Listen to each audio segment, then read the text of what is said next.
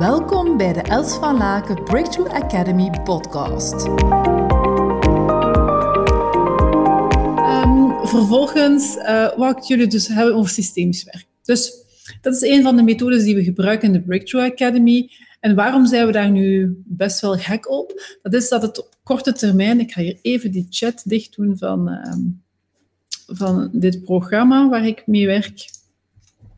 Waarom zijn we daar nu zo gek op? Omdat je eigenlijk op korte termijn heel veel verstrikkingen waar je mogelijk nog in vastzit, omdat je nog loyaal bent aan bepaalde patronen van jouw familiesysteem, dat we die kunnen ja, helder maken, dat we die kunnen um, ja, zich toon laten zien of kunnen helder maken welke de patronen zijn. Bijvoorbeeld, een van de patronen die nog steeds uh, heldig is in mijn uh, gezinssysteem, komt ook vanuit mijn familiesysteem, is dat ik en mijn man nog steeds aandacht mogen geven aan het volledig aanwezig zijn bij de kinderen. Als je dan verder kijkt vanuit mijn familiesysteem alvast, dan was, kom ik van een gezin waar mijn moeder alcoholiste was en dus eigenlijk heel moeilijk aanwezig kon zijn in het hier en nu. En mijn vader was psychisch ziek. Dus beide hadden ze hun eigen overlevingsmechanisme om niet ja, het hier en nu te moeten voelen, het hier en nu echt aanwezig te zijn. Dus bijvoorbeeld uh, door daar helderheid op te creëren, door daar te, beseffen van, aha, ik ben nog steeds loyaal aan mijn familiesysteem, uh, op een bepaald patroon die zich blijft herhalen, kan ik daar dan vervolgens ook iets mee doen. Als je je daar niet bewust van bent, ga je vanuit loyaliteit heel vaak bepaalde zaken opnieuw en opnieuw herhalen. Stel nu bijvoorbeeld dat in jouw familiesysteem, in jouw gezin, dat je opgegroeid bent met een broer of een zus die, zeg maar iets, een bepaalde ziekte had of een bepaalde handicap had. Heel vaak gaat er een van de kinderen, het kan ook jou geweest zijn, gaat de andere volgen in het lot. Als mijn zus, als mijn broer niet ten volle mag leven, dan ga ik ook niet ten volle het leven nemen en mijn plek volledig nemen. Dus er kunnen heel veel verschillende zaken zijn die gebeuren in een familiesysteem en die uh, een bepaalde invloed kunnen hebben op jou nog vandaag. Dus het is interessant om even stil te staan bij Hmm, waar blijf ik mogelijk nog loyaal aan mijn moeder, aan mijn vader, aan het familiesysteem, aan hoe we het altijd hebben gedaan. Op die manier krijg je meer helderheid, krijg je meer bewustzijn en kan je ook meer keuzes maken. En kan je erop ook laten coachen door ons bijvoorbeeld of door andere goede coaches. We hebben het ook gehad over, ja, um, wat zijn dan de wetten? Er zijn bepaalde wetten binnen systemisch werk en er zijn er eigenlijk vier in totaal. Uh, drie zijn uh, heel hard van toepassing op mensen als het gaat over systemen. In, uh, als het gaat over personen, vierde telt iets meer als het gaat voor bedrijven. De eerste wet is dat alles en iedereen een plek verdient. Dus alles en iedereen verdient een plek in het familiesysteem of in het systeem. Dus als mensen worden uitgestoten of mensen worden uh, weggeduwd of worden geheim gehouden, dan brengt het altijd spanning mee in het familiesysteem. Het kan ook zijn dat bepaalde gebeurtenissen of bepaalde zaken die zijn voorgevallen worden geheim gehouden of worden bijvoorbeeld geen plek wordt gegeven. Iemand vroeg mij bijvoorbeeld, oké, wat als je de biologische vader uh, niet uh, onderdeel is geweest van ja, de opvoeding, wat dan, wat dan daarmee? Ja, we dienen eigenlijk ons biologische vader te eren en dat is onze bloedlijn. Dus dat betekent dat hij dus ook een bepaalde plek in ons leven verdient. Betekent dat dat we dan vervolgens direct contact moeten gaan zoeken met ons biologische vader? Nee, dat hoeft niet. Het gaat maar over het feit dat hij een plek krijgt, dat hij niet geheim wordt gehouden, dat hij een onderdeel is van jouw leven en dan zit er ook gewoon geen lading meer op. Zo kan je zelf even gaan nadenken, wat zijn bepaalde zaken die mogelijk hebben gezorgd dat je ja, bepaalde zaken nog doet vandaag, die je denkt, hm, eigenlijk is dat niet helpend en ben ik nog op een of andere manier loyaal uh, naar het familiesysteem. Dus het, de tweede wet is rangorde. Dat wil zeggen, iedereen moet op de juiste plek staan. Zo zie je heel vaak dat kinderen van hun plek afgaan en bijvoorbeeld een van de posities nemen die op de plek gaan staan van moeder of de plek gaan staan van vader en daar bepaalde verantwoordelijkheden gaan overnemen die niet bij hen hoort. Ik geef een simpel voorbeeld.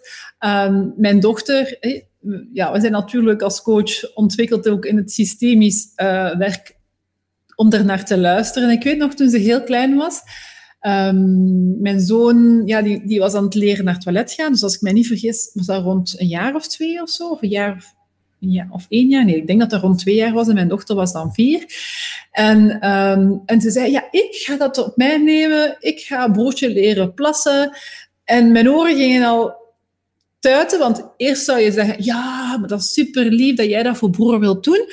Echter, ja, ze ging eigenlijk iets gaan oppikken al van het familiesysteem, want op dat moment was mijn man niet zo heel veel ter beschikking. Dus dacht hij waarschijnlijk onbewust, ik ga mama helpen, ik ga die taak uh, op mij nemen, dan hoeft mama zich daar alvast geen zorgen meer om te maken.